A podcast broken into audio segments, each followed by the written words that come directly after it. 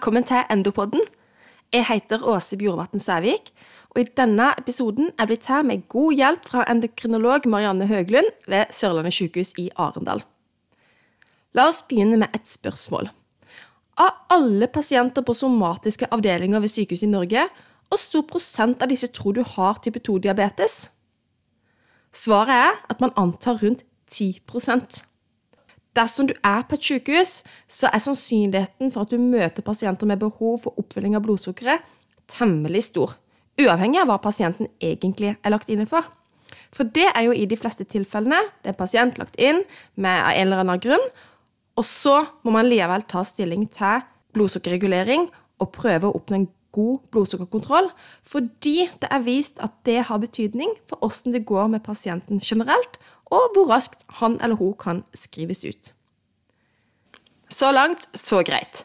Men hvordan ser egentlig god blodsukkerbehandling ut på sykehus i praksis? Målet med denne episoden er ikke å gi alle detaljene, men å gå gjennom de overordna prinsippene og målene for blodsukkerbehandling hos pasienter med kjent type 2-diabetes, når de er innlagt på sykehus. Vi kommer òg til å gi noen konkrete tips for medikamenttyper og doser, før vi oppsummerer noen hovedpoeng til slutt. Og Mye av det som blir sagt i dag, kommer også til å gjelde for type 1-diabetes, og vi fokuserer i hovedsak på type 2, rett og slett fordi det er det vanligste.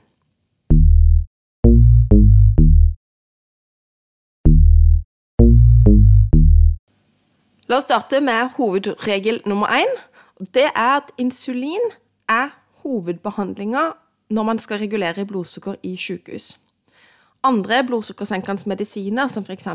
SGLT2-hemmere og metformin, de er jo vanlige, men som hovedregel bør disse pauses, i alle fall ved innkomst. Og Det finnes selvfølgelig unntak, men generelt sett er det enklere å bruke insulin til å justere blodsukkeret når man samtidig har en akutt sykdom, og I tillegg til dette så er det en del av disse perorale antidiabetikene som kan være direkte farlig hvis pasienten allerede er alvorlig syk. F.eks. SGLT2-hemmere. De er assosiert med økt risiko for ketoacidose. Og dette har vi en egen Endopodden-episode på, hvis du er interessert i å høre mer om det. Og metformin er assosiert med risiko for laktacidose. Begge deler farlige komplikasjoner som vi ønsker å unngå på toppen.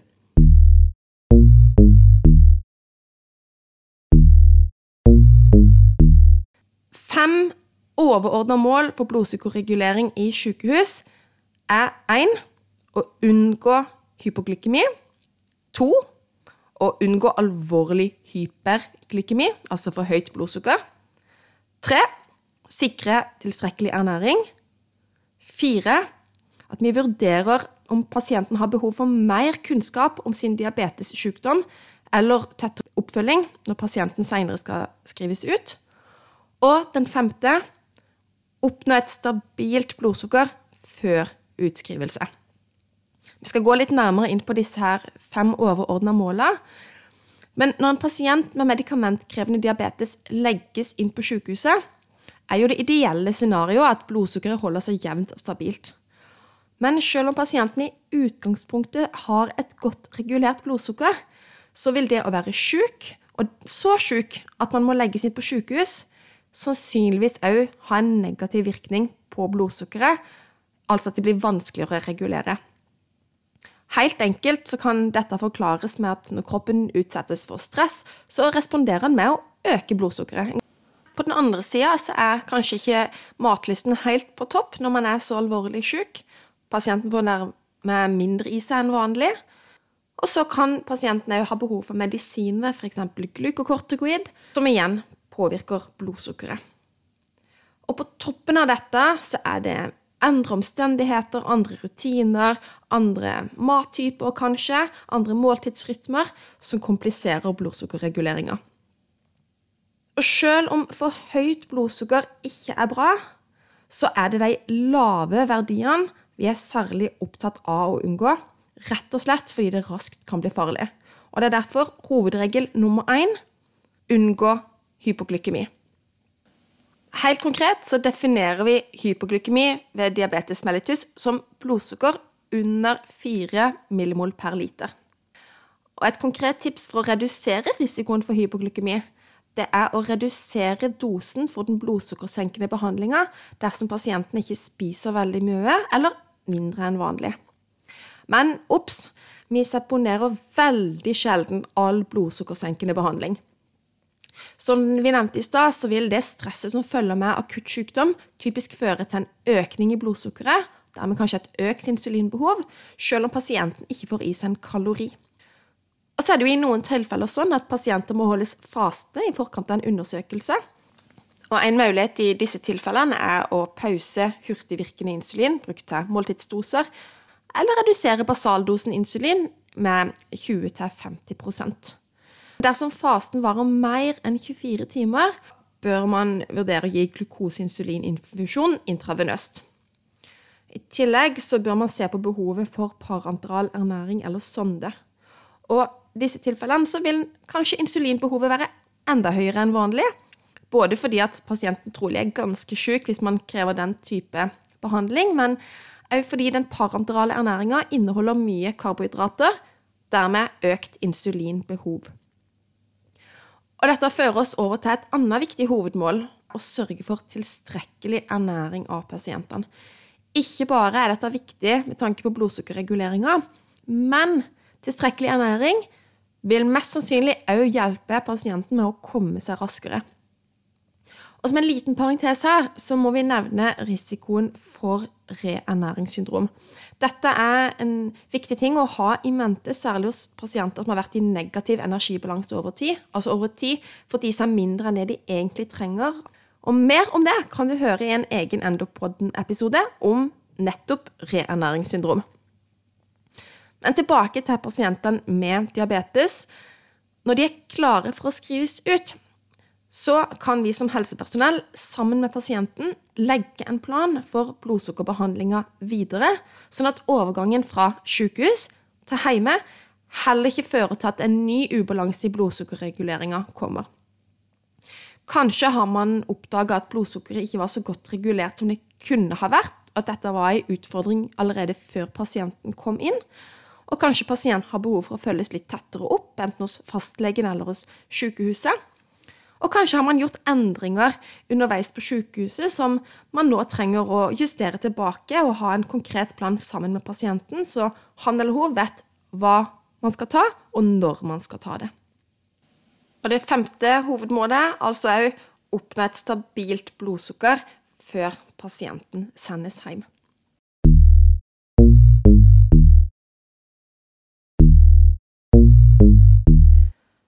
La oss gjøre det litt mer konkret og tenke på et par scenario der pasienter med kjent type 2-diabetes legges inn på sykehus.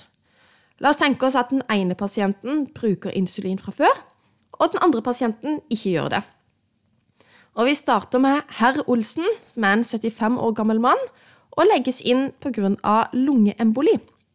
Han har kjent type 2-diabetes og bruker insulin til vanlig hjemme. Behovet for insulin hos herr Olsen er nå sannsynligvis noe endra, men vi kan bruke den vanlige doseringa som et utgangspunkt, og så kan vi heller justere underveis. ofte vil det være nødvendig å kanskje øke dosene under innleggelsen. Og av og til så har pasienter egne tanker om hva som skal til. Eller kanskje man ser at her har det vært problemer med blodsukkerreguleringa over tid, og da er det noe man kan eh, ta opp mot utskrivelsen. Kanskje skal pasienten følges tettere hos fastlegen for òg vurdering av blodsukkerbehandlinga videre. Eller kanskje er det behov for mer informasjon om sykdommen, sammenheng med mat, eh, annen sykdom som kan inntre samtidig. Det andre scenarioet er fru Vik, som er 65 år. og Hun har òg kjent type 2-diabetes, men bruker vanligvis metformin. Hun har òg en astma og legges inn med astmaforverring og i dette tilfellet er det flere ting som vil påvirke blodsukkeret. F.eks. økt blodsukker fordi hun får behandling med glukokortikoid. Glukokortikoid er jo et stresshormon, og på samme måte som når man får stress av f.eks. sykdom, så vil det være med å dra blodsukkeret opp. Faktisk er det så effektivt at pasienter som ikke har diabetes i utgangspunktet, kan i noen tilfeller ha behov for insulinbehandling dersom de får glukokortikoidbehandling på syk. Og I dette tilfellet blir du anbefalt å ta bort metformin og starte med insulinbehandling hos fru Vik. Så nå har vi kommet fram til at både herr Olsen og fru Vik skal ha insulinbehandling, men hvordan skal da disse justeres? Hvis vi begynner med herr Olsen, så kan vi si at han er i relativt godt slag tross innleggelsen, men så oppnår man ikke god kontroll på blodsukkeret med hans vanlige doseringsregime. En mulighet da er å starte opp med middels langtidsvirkende insulin morgen og kveld dersom man ikke allerede bruker det. Men hvilke blodsukkerverdier skal vi ta sikte på, og hvilken insulindose skal vi starte med? Hvis vi begynner med målområdet for blodsukkeret, så hos ellers friske så er det mellom 4 til 8 millimol per liter før måltid.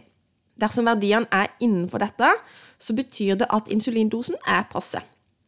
Og fordi det er så viktig å unngå hypoglykemi, det var jo hovedmål nummer én, så godtar vi gjerne at pasienter ligger høyere i blodsukker under innleggelsen enn det som man vanligvis anbefaler hjemme.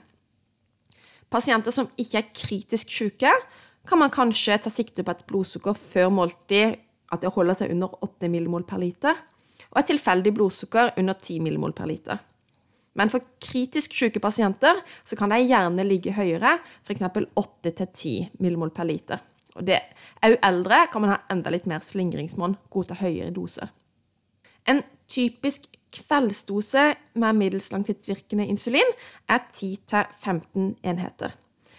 Men igjen, her må man utøve skjønn og se på pasienten man har foran seg. Og så må man vurdere ut ifra blodsukkermålinger om den er for høy eller for lav. Måten man gjør det på, er at man justerer ut ifra morgenblodsukkeret. For målet med kveldsdosen insulin er jo å holde et stabilt blodsukker gjennom natta og fram til neste dag. En for høy eller en for lav glukoseverdi om morgenen betyr at kveldsdosen insulin bør justeres. For å gjøre det litt enkelt for oss sjøl, kan vi ta utgangspunkt i en sånn gjennomsnittsverdi 6 millimol per liter glukose. Altså det var jo midt imellom 4 til 8, som er det her normale området vi før målte vi vanligvis tilstreber. Og så kan vi si det sånn at vi justerer med én en enhet opp eller én en enhet ned for hver millimol per liter som blodsukkeret avviker fra denne gjennomsnittsverdien på 6. Litt komplisert, men vi skal gå gjennom det én gang til. Men et viktig poeng her er at en sånn tommelfingerregel det gjelder først og fremst for pasienter med insulinresistens. Og som vi nettopp nevnte, her er det viktig å vise skjønn og tilpasse behandlinga ut ifra pasienten man faktisk har med å gjøre, og, og som er problemstillinga. Så for ei litt eldre, lita dame, f.eks. med nyresvikt, så vil det kanskje være litt for kraftig justering. La oss si at herr Olsen det starta opp med 15 enheter middels langtidsvirkende om kvelden. Men så våkner han med hypoglykemi. og Det definerer vi som blodsukker under 4. Da kan vi tenke at 4 det er to enheter under den gjennomsnittsverdien på 6. Altså kan det være aktuelt å redusere kveldsdosen insulin med to enheter. Dersom blodsukkeret derimot er over ti, så ti det er fire over gjennomsnittsverdien på seks, så kanskje kan vi da øke kveldsdosen med fire enheter.